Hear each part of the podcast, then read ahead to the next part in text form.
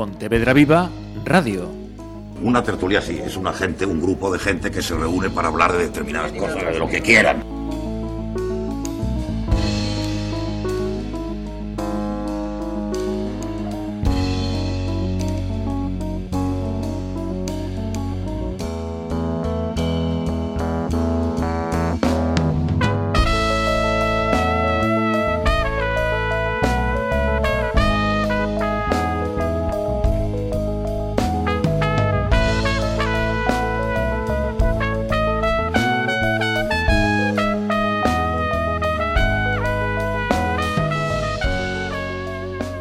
¿Qué tal? En estas conversas en la ferrería vamos a conocer una formación musical, lleva por nombre Laroa, y digo, vamos a conocer o no, es posible que mm, algunos o muchos ya la conozcáis, pero es que han comenzado giras, si no tengo mal entendido, y queríamos eh, actualizar y presentarlos aquí en Pontevedra Viva, aunque alguno de ellos ya ha pasado por estos micrófonos, así que con permiso de los restantes, Voy a presentar en primer lugar a Miguel Fraguas. Benvido de novo.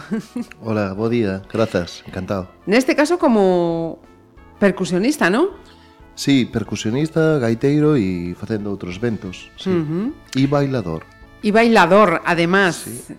E veñen de lugares moi distintos, además. Eh, Miguel de Tenorio, Frank Gorriz eh, catalán, uh -huh Eh, tamén fala galego moi ben, teño entendido. Bueno, eu levo 11 anos aquí xa, verdade? Que, Ajá. Así que ao chegar, o, das primeiras cousas que fixen foi aprender un, un par de celgas. Batería e percusión uh -huh. en Laroa. E dende Cuba, a voz de Laroa, Diana Tarín, bienvenida también. Gracias igualmente. Eh, ¿Cómo estás a voz, por cierto? Que estaba escuchando aquí que te están vacilando mucho con ese tema. Más o menos ahí andamos. Más o menos. sí. Cosas que tiene el invierno. Esto que trae el invierno, las gripes y, y, sus compañías. Pues ellos son tres de los... Bueno, que me lo cuenten ellos eh, primero. Miguel, eh, Os integrantes agora mesmo de Laroa son máis dos que estaban os comezos no 2016. Sí, digamos que, que Laroa comezamos con, con un traballo no noso disco e que a partir de aí o proxecto medrou buscando un pouco as inquietudes do, do que hoxe demos en chamar camiños. Uh -huh pois pois pescudando e tratando de atopar un son máis potenciado sobre o que era o noso traballo e xuntamos unha banda de, de oito músicas e músicos mm -hmm. e un videocreador que é un espectáculo que é o noso espectáculo Camiños. Ajá. Estreamos a xira en Vigo, como ben dixeches, fai pouco. Este mes, sí. Este mes e, e estamos felices, non, o seguinte, porque estamos convencidos de que facemos algo único e, uh -huh. e fermoso. Falando de cousas eh, únicas e fermosas, eh, me explicáis que es esto de unha banda de world music? Música del mundo. Nosotros eh, encerramos dentro de lo que hacemos muchos géneros, no nos quedamos solo en uno. Tocamos muchos palos musicales y uh -huh. creo que ahí encierra la palabra world music. Ajá. Eh, ritmos de aquí, ritmos cubanos, jazz, jazz mmm... melodías eh, más tirando hacia África quizás, mezcladas Ajá. con el sonido de la gaita, por ejemplo, melodías de la de tradicionales de aquí llevados un pouco máis al terreno jazzístico. Ajá. Mira, sí, mm, a idea do grupo xurde en realidad dende a música lusófona, aínda que despois uh -huh. se amplía, pero a idea é partir de aí. Eh, facer cancións tradicionais galegas, por exemplo, facemos cancións portuguesas, brasileñas, de Cabo Verde, E, e despois o que facemos é ampliar o repertorio, uh -huh. pero sempre intentando achegar ese outro estilo de música a, a un pouco o sello que ten a banda que temos que estar moi contentos porque temos unha sonoridade moi peculiar. Hemos conseguido algo que é moi difícil, que que ter un son propio. Uh -huh. Uh -huh. Yo, yo tenía curiosidad también eh, por saber eh, cómo confluís eh, siendo de, de procedencias geográficas tan diversas e creo que de procedencias musicais también moi diferentes. Veña. Pues mira, yo te puedo decir, eh, es algo interesante. Somos de lugares distintos, venimos con ideas diferentes, pero creo que nos comunicamos bien y que entendemos cada uno lo que queremos y que somos capaces de, de hacer que funcione lo que musicalmente uno ve con lo que ve el otro. Ajá. Entonces conseguimos ahí crear una amalgama que suena. y, y creo que eso es un, algo muy, muy especial y muy bonito que tiene este proyecto. Sí, por exemplo, mira, un dos últimos temas que fixemos foi a petición de, de Diana. De Diana. Uh -huh. Por exemplo, vengo a ofrecer mi corazón, uh -huh. ¿no? Con tema de Fito Páez. Eh, eh, creo que fixemos algo que está moi ben, que partindo do, dun ritmo de 6-8, que era cara onde eu quería levar ela, afro-cubano, afro, sí. uh -huh. o que facemos é aproveitar en unha parte do tema collemos un ritmo eh, tradicional peninsular que se chama jechao, Anda. Entón, eh, que facemos é unha mestura, unhas partes imos cara a península e de súpeto outra parte imos cara, cara a Cuba. Uh. Funciona. Uh -huh. Funciona moi ben. Eh, sin, sin que pareza así nada comercial, un anuncio do Galis.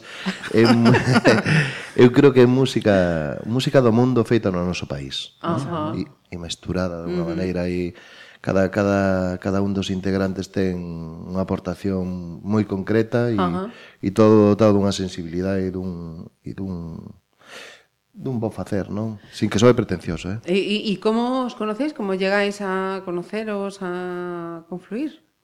Pois por diferentes eh, bandas, imos conectando. Eu, por un lado, coincido con, con Miguel hai un montón de anos.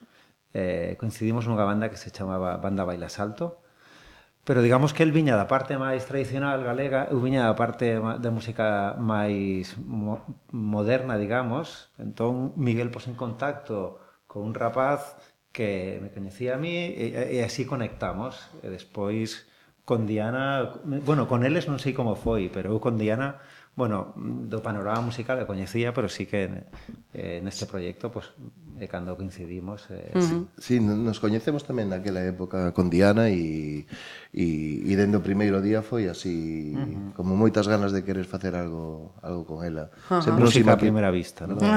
música a primeira. O músico a primeiro oído. Ajá. Uh -huh.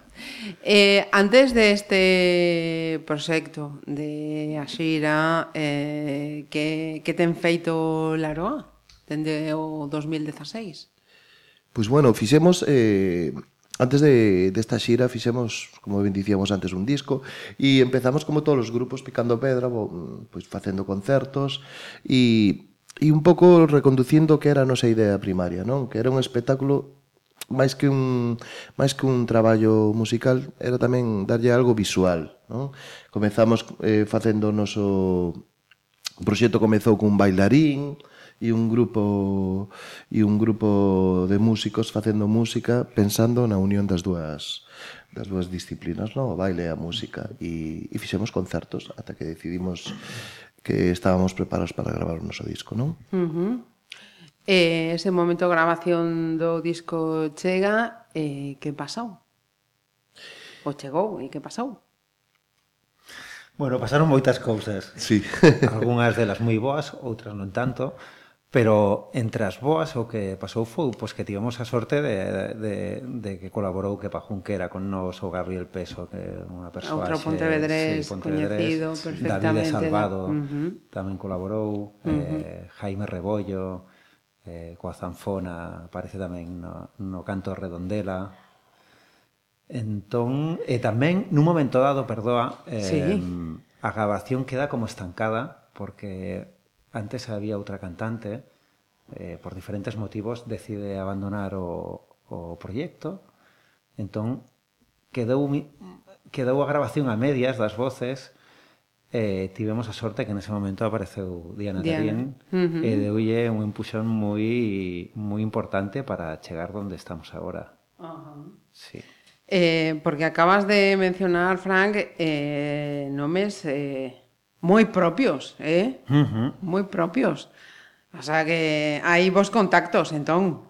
Bueno, o que hai eh, vos contactos e tamén ter un pouco de morro, ¿no? Porque en realidad Miguel, bueno, daste conta tamén da disponibilidade da xente. Eh, mm. Sí. Miguel, bueno, explica ti, porque en realidad foi... Sí, bueno, daste conta un pouco da destas cosas que, que ves. Bueno, o proxecto eh, teño moitas ganas de que os ointes o escoiten con cariño eh, tamén é, é bonito de escoitar e é, e é fácil de que a xente queira uh -huh. ou pode estar interesante para a xente de, de determinado nivel. Por exemplo, no tema eu contactei con Kepa, uh -huh. o coñecíamos por polo mundo do, da, da música tradicional, habíamos coincidido en algunhas cousas. Kepa para min é un, un dos artistas así a nivel nacional moi admirado uh -huh. pola súa traxectoria, por, por, por, pola súa impronta, todo ten unha firma moi concreta. Uh eh, -huh. que todo ten a firma junquera. E puxeme en contacto con él y, y bueno, y son destas cousas que dices tú, bueno, unha persoa que está aí arriba, que ten este nivel, a grandeza que demostra. Eh, dixo, siempre sí, lo que queráis. Yo os mando aí unas, unas pistas, a ver, me pasáis e tal. E ao cabo de dous días tiñamos 13 pistas de percusión. Sí, máis, Toma. en realidad. 13 sí, pistas de percusión. e pedimos unha triquetixa e como bon vasco que é, nos grabou como 13 ou 14 pistas de percusión e dúas outras uh -huh. dixas cunha vontade un, o teléfono dando consellos, ánimo, apoiando uh -huh. e tal. Eh, aproveitamos para mandarte un bico moi grande e garimoso porque mm, fai, fai xa algún tempiño, cinco meses ou mellor, eh, tuvo un itus e lle mandamos desde aquí unha aperta uh -huh. super forte para que se repoñe e que este... Que así sea así. Eh, citábamos tamén a, a Gabriel Peso, un que anda por aí mm, con composiciones propias, acompañando a- también a otros artistas, David Salvado y Jaime Rebollo, que es el que más se me escapa. Perdón para Jaime si me está escuchando, es el que más se me escapa. Pero mm, puestos en, en caminos, entiendo entonces que, y como habéis avanzado, que es más que música, que es danza también, que es eh, videocreación, además de más integrantes ¿no? sobre esa eh, formación inicial. em, ¿Esto por qué se hace? Porque tenéis vosotros esta inquietud, porque para destacar ahora mismo en el ámbito musical hay que hacer algo diferente.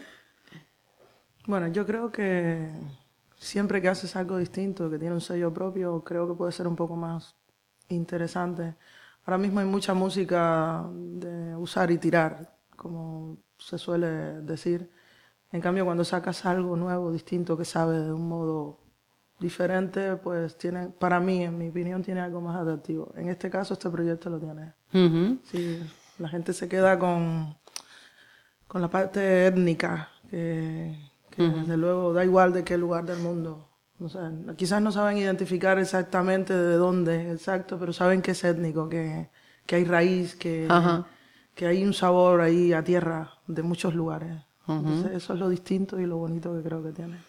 Sí, y la idea es ofrecer algo más que un concierto al uso. ¿Sabes? Que, que pasen muchas cosas, que la imagen muchas veces también interactúe con la música. Sí, no solo se escucha, sino también se ve. Sí, pero tampoco queremos que tenga un protagonismo excesivo. No queremos, no te- no queremos que la gente tenga la sensación que va a ver la televisión. ¿no? Vale. ¿no? Simplemente que es, es un, es un... Un añadido, un plus. Un apoyo, sí. A a veces es la música que acompaña ciertas imágenes, más a nivel poético-visual, si quieres verlo, y otras veces es la imagen que está acompañando a la música. Es un apoyo mutuo y es ofrecer más. También Miguel baila en un par de ocasiones, es ir un poco más allá a un concierto típico. Sí, estamos viendo un espectáculo.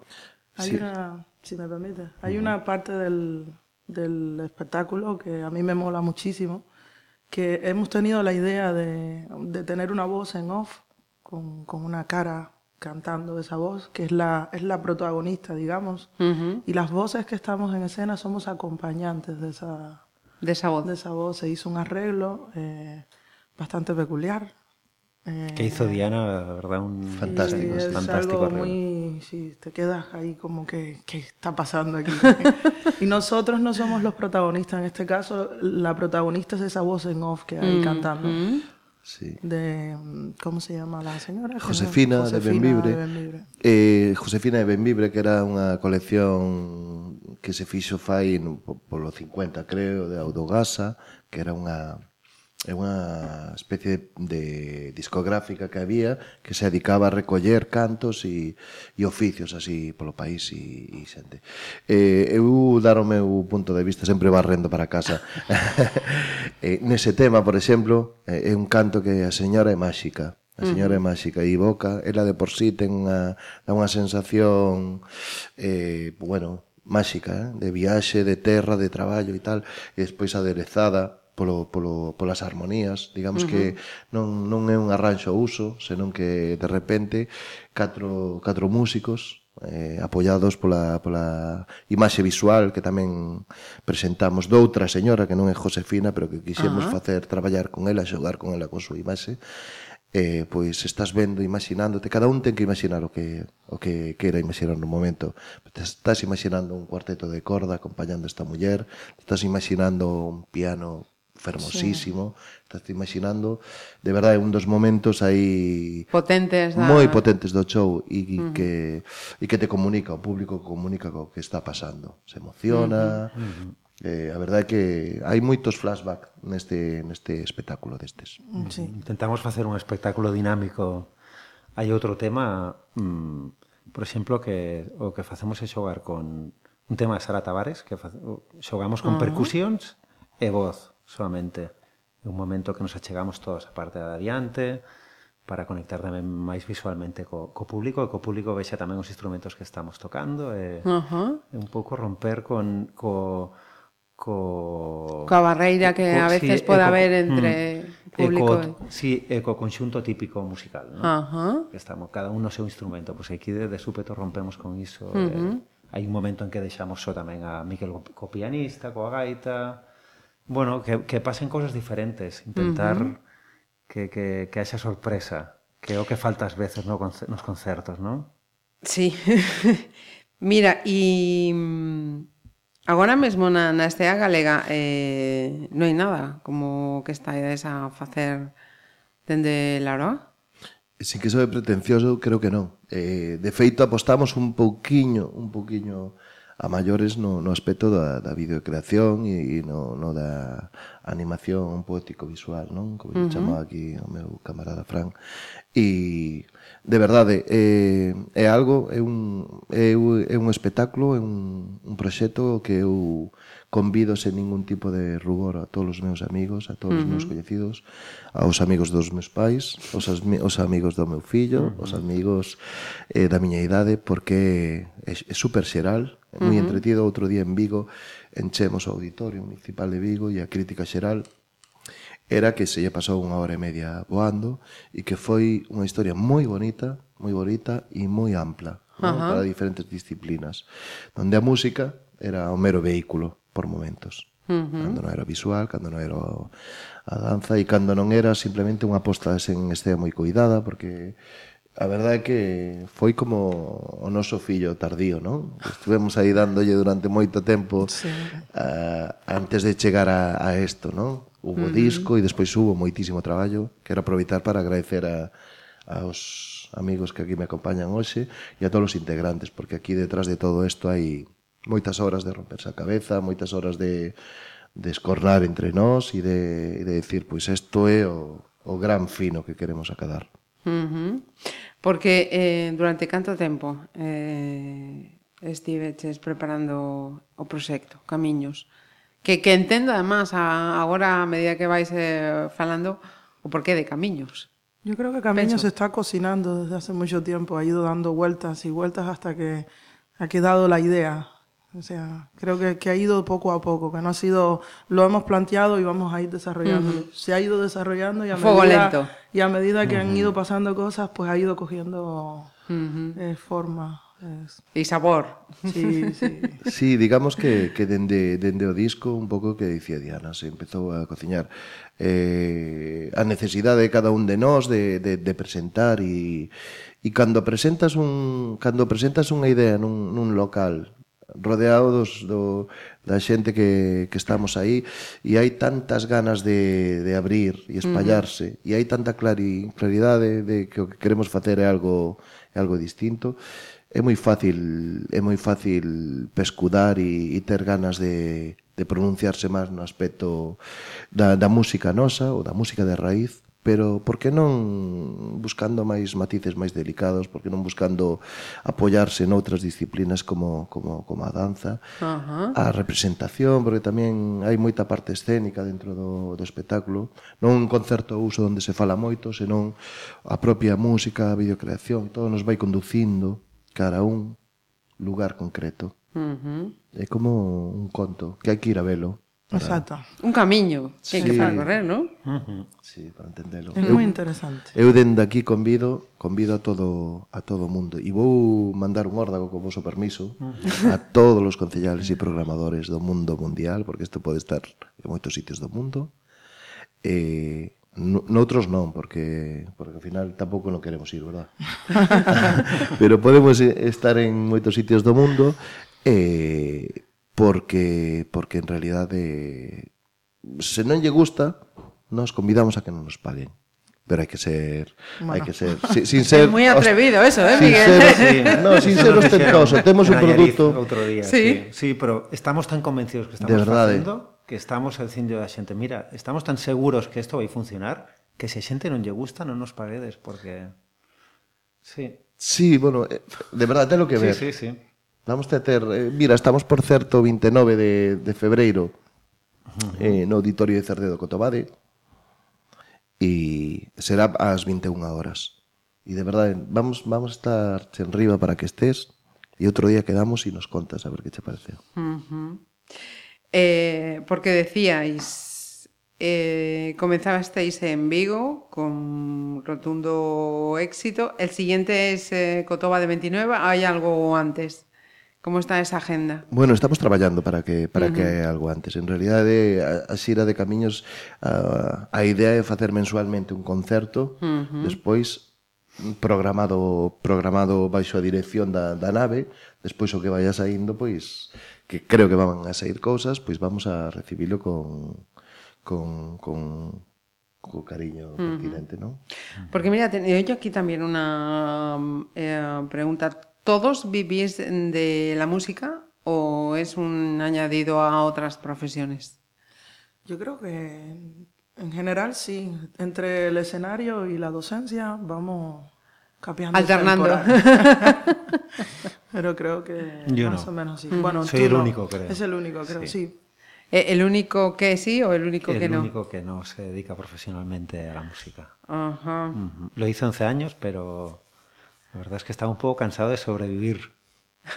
Es la parte y va y te meten y te meten en esta aventura. No, claro, por, porque precisamente el, uh -huh. el, no depender económicamente uh -huh. de, de una proyecto. profesión te permite dedicarte a lo que te gusta realmente o al tipo de música que tú quieres tocar y no a la que te imponen. Uh -huh. Entonces... Porque sí que es cierto que eh, después de todo lo que nos acabáis de contar de todo esto, sí que es muy, muy arriesgado en este momento hacer algo eh, diferente también, ¿no? Puede tener su vertiente y sus resultados positivos, efectivamente, hacer algo distinto, pero también el grado de riesgo, cuidadito, ¿eh? Sí. Es importante, sí. Sí, pero mm. creo que se puede, que hay que arriesgar y hay que, hay que ir a por las cosas que son un poco más difíciles. Para mí, saben mucho mejor. Sinceramente. Sí, y cuando ves eh, el tipo de... Es decir, cuando ves al, al resto de componentes del grupo, gente uh -huh. con tanto talento y que apuestan por esto, te dan aún más ganas de, de, luchar porque sabes que vale la pena y que está muy bien hecho. Uh -huh. Y que necesitamos que nos vean solo. Es un grupo que va a crecer con el boca a boca. Cuando digan, ah, ¿no habéis visto la Aroa? Pues mira, te lo recomiendo mucho. Y entonces van a haber programadores y a partir de ahí va a ir creciendo. Pero sí que es verdad que ahora tenemos una necesidad y es que nos vean. Porque uh -huh. quien escuche el disco no va a ver el espectáculo, el espectáculo. en realidad. Uh -huh. Va a oír canciones solo. Uh -huh. E o disco foi unha proposta íntima de fai uns anos, uh -huh. eh, démoslle unha volta agora mesmo e está moi, o disco é maravilloso, pero o disco é unha proposta íntima e, e, é, e non é a vivencia o que transmite o espectáculo en sí. Uh -huh. E quero facer tamén fincapé eh, en, en que temos unha bandaza. Venga, justicia, acto de justicia. Precisamente estaba mirando los nombres porque decía, tenemos a alguien de Tenorio, a alguien que viene de Cuba, pero residente ya desde hace años aquí sí. en, en Para Galicia. mí esto ha sido un reto, ¿eh? Sí, por. Sinceramente. Porque nunca me había sumergido en, en un proyecto de esta manera, mm, así de cantando en el idioma de aquí, cantando siempre, o sea, he cantado mucho en inglés, en portugués, pero nunca me había sumergido de esta manera en esto. Ajá. De hecho, cuando ellos me lo plantearon, porque de los tres yo fui la última en subirme al barco, Ujú. estuve ahí unos meses pensándomelo, diciendo, ¿de verdad que queréis que sea yo? yo no sé pronunciar la X y estas letras están llenas de X. Pero bueno, em, Estaban dije- convencidos del fichaje. Dije que, que, bueno, que me veía Ajá. capaz y, y lo disfruto muchísimo, sinceramente, porque me han dejado irme a mi Terreno. O sea, eh, me, me he metido en este océano, Ajá. pero me dejan, me dejan que sea yo. que Ajá.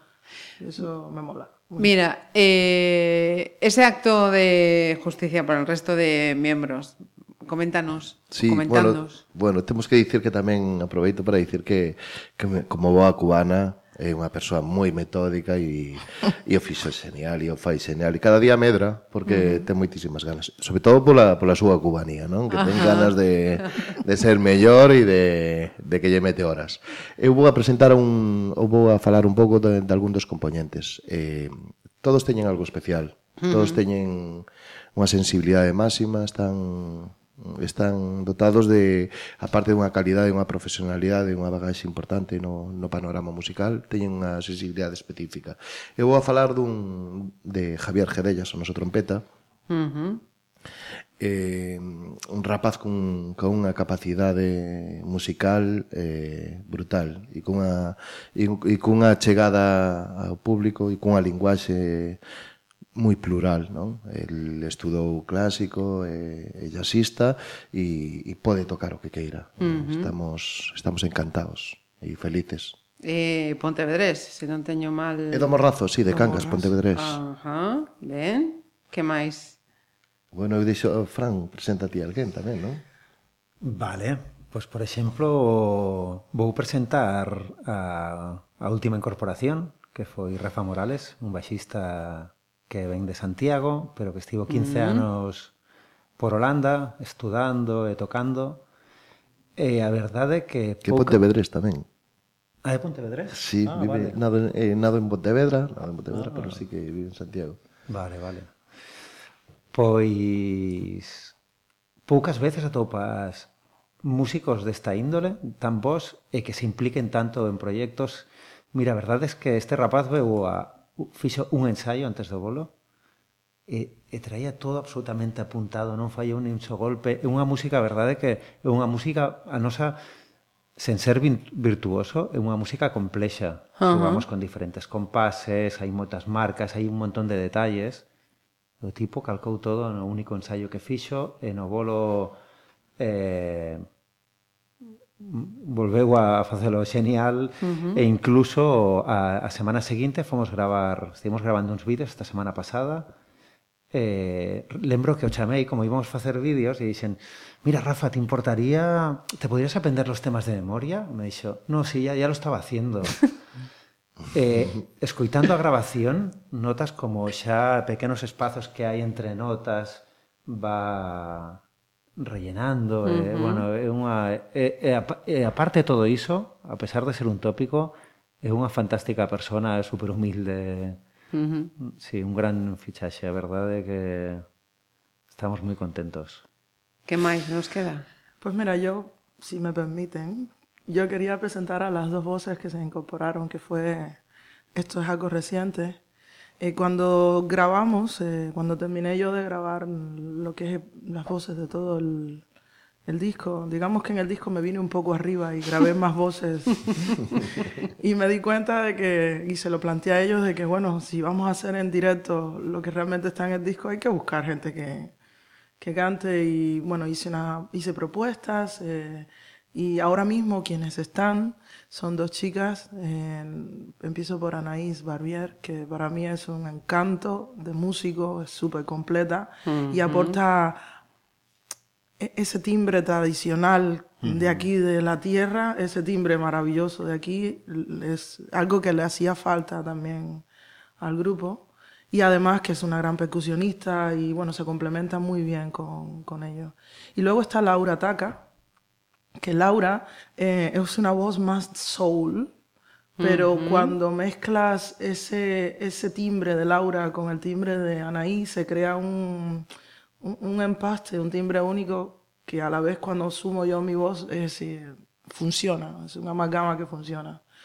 Y bueno, también tengo que decir que entre ellas han hecho un buen equipo, se han, Bueno, se han integrado rapidísimo, han entendido la idea de, de, lo que es la Aroa y están en el barco a tope con nosotros. Uh ¿Qué más queda Quédanos, para Antonio, ¿no? Antonio, Antonio, Antonio, bueno, Antonio que é o pianista e é amigo de, de, de bellas de bellas actos de, de Diana e con Fran tamén se coñecen e eu coñeci máis recentemente e é un musicazo da CEA, uh -huh. un rapaz que que, que, ten, que ten unha capacidade a nivel musical, bueno, un super pianista.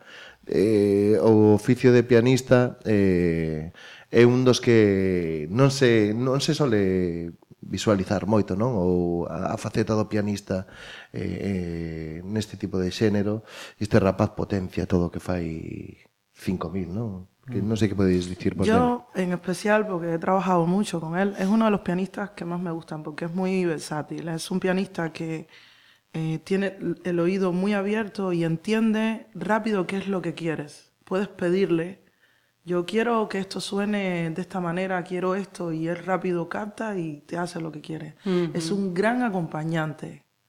Eh, tiene una capacidad tremenda que no todo el mundo sabe acompañar. Eres un gran acompañante. Es muy camaleónico. Lo mismo puede ponerte, eh, moverte la sensibilidad con una sola nota que puede ponerle presión y hacerte... Y responde, está al nivel. Exactamente, o sea, tiene una capacidad increíble. Pues si no estuvisteis en Vigo, eh, nos han avanzado la fecha del día 29 de febrero Cotobade y seguiremos dando pistas. Cuando lleguen más bolos nos vais comentando. Tenemos una agenda estupenda en Pontevedra Viva donde vamos dando cuenta de, Sí, el 8 de agosto los estaremos en. Fornelos también, el Festival Folk. Ah, o sea, ya el 8 de agosto. Sí. Pensé que me ibas a decir en las fiestas de la peregrina de Pontevedra. Esperemos, la esperemos. verdad es Sí, que ahí estamos estamos. haciendo lo posible para estar. Sí, sí, sí, y sí. nos merecemos estar, la verdad es que... Sí, sí. Es un proxecto que va a quedar moi bonito. eh, Está que va- quedando muy bonito. Pero digo que neste, neste na, na Boa Vila, estaría uh -huh. fermosísimo aí na ferrería, aí Laroa de fondo, sonando, e, e, e a xente uh -huh. de Pontevedra que ten que se caracteriza polo bo gusto disfrutando do, uh -huh. do espectáculo. Pois, pues, mm, para comenzar, escoitábamos a Laroa, eh, para rematar tamén, eh, Laroa, alguna en especial que queráis ou mm, podes coger? Debes escoller, Marisa. Vale, espero estar a la altura como también ha estado esta, esta charla. Eh, Diana, Fran y Miguel, muchísimas gracias y muchísima suerte con este proyecto. Gracias a ti Gracias por a ti. dejarnos estar en tu espacio. Muchas gracias.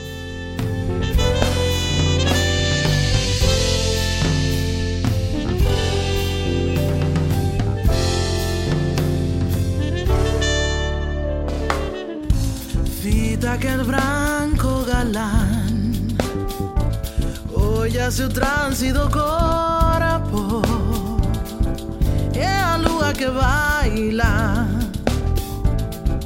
Na quintana dos mortos